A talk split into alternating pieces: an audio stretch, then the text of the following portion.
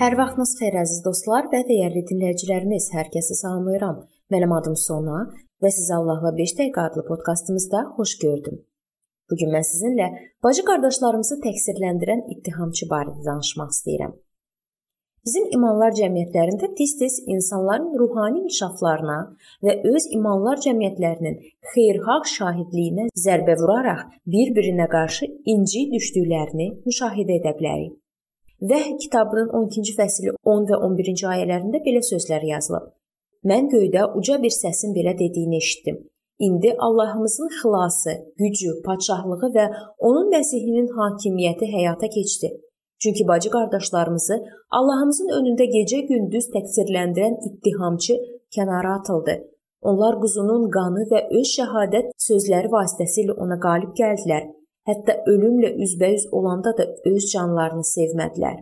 Bacı qardaşlarımızı təqsirləndirən ittihamçı, şeytan belə görünür ki, gecə-gündüz Allah qarşısında dayanıb Allahın xalqını, onun bütün çatışmazlıqlarını və zəifliklərini sadalayaraq təqsirləndirib. Necə düşünürsünüz? Şeytanın dilindən səslənən ittiham nə dərəcədə dəqiqdir?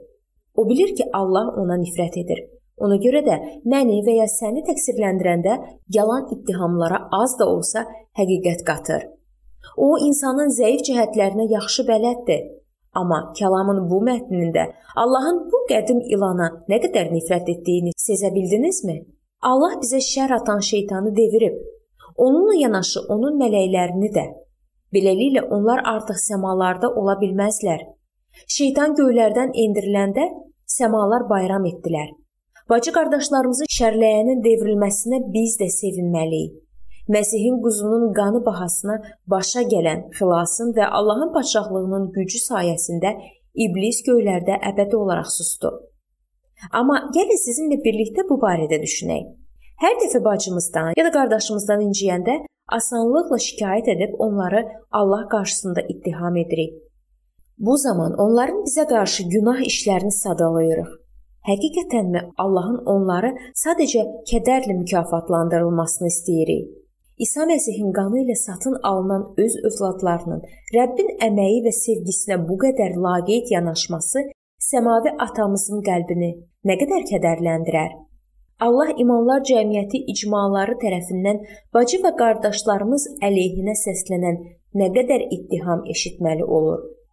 Biz ya dizi üstə, ya da ayaqda duada olanda başqalarını bağışlayırıqmı? Durub dua edəndə kimdən narazılığınız varsa bağışlayın ki, göylərdə olan atanız da təqsirlərinizi bağışlasın. Bağışlamasanız, onda göylərdə olan atanız da təqsirlərinizi bağışlamayacaq. Bu Mark 11-ci fəsil 25-26-cı ayələrdə yazılıb. Bacı və qardaşlarımızla sülhə can atırıqmı? 1-ci Petr 3:11-də yazılıb: "Qoy şərdən çəkinib yaxşılıq etsin, qoy sülhü axtarıb ardınca getsin." Əlbəttə, bəzən bizi kimsə incitəndə kədərlənə və ya yaşantılarımızı Allahla bölüşə bilərik. O istəyir ki, qayğılarımızı, çətinliklərimizi, ağrılarımızı ona həvalə edək.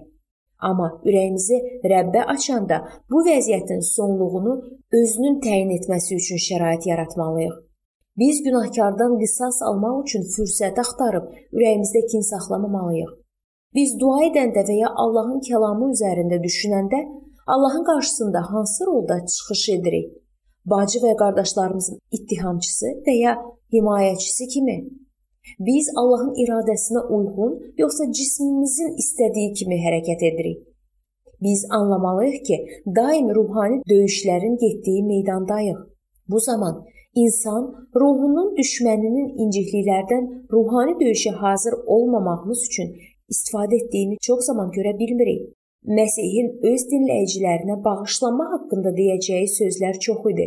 Biz hər bir düşüncəni əsir edərək Məsihə itaat etməliyik. Bu fikir 2-ci Korinflərə 10-cu fəsil 3-dən 5-ci ayəyə qədər yazılıb. Biz bacı və qardaşlarımızla sülhə nail olmağa can atmalıyıq və onlar üçün Allah qarşısında şəfaət etməliyik. Həyatının bu sahəsində Allaha itaat etmək məbəd üçün Allahın tərbiyəsini və kənar insanlar üçün yaxşı bir şahidlik olacaqdır. Yahya 13:35-də yazılıb: Əgər bir-birinizə məhəbbətiniz olsa, bütün insanlar biləcək ki, siz mənim şagirdlərimsiniz.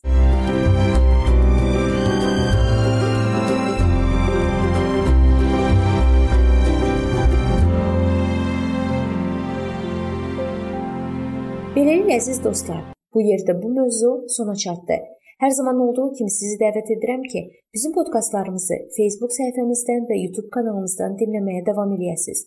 İndi isə mən sizinlə sağollaşıram və növbəti görüşlərdə görmək ümidi ilə.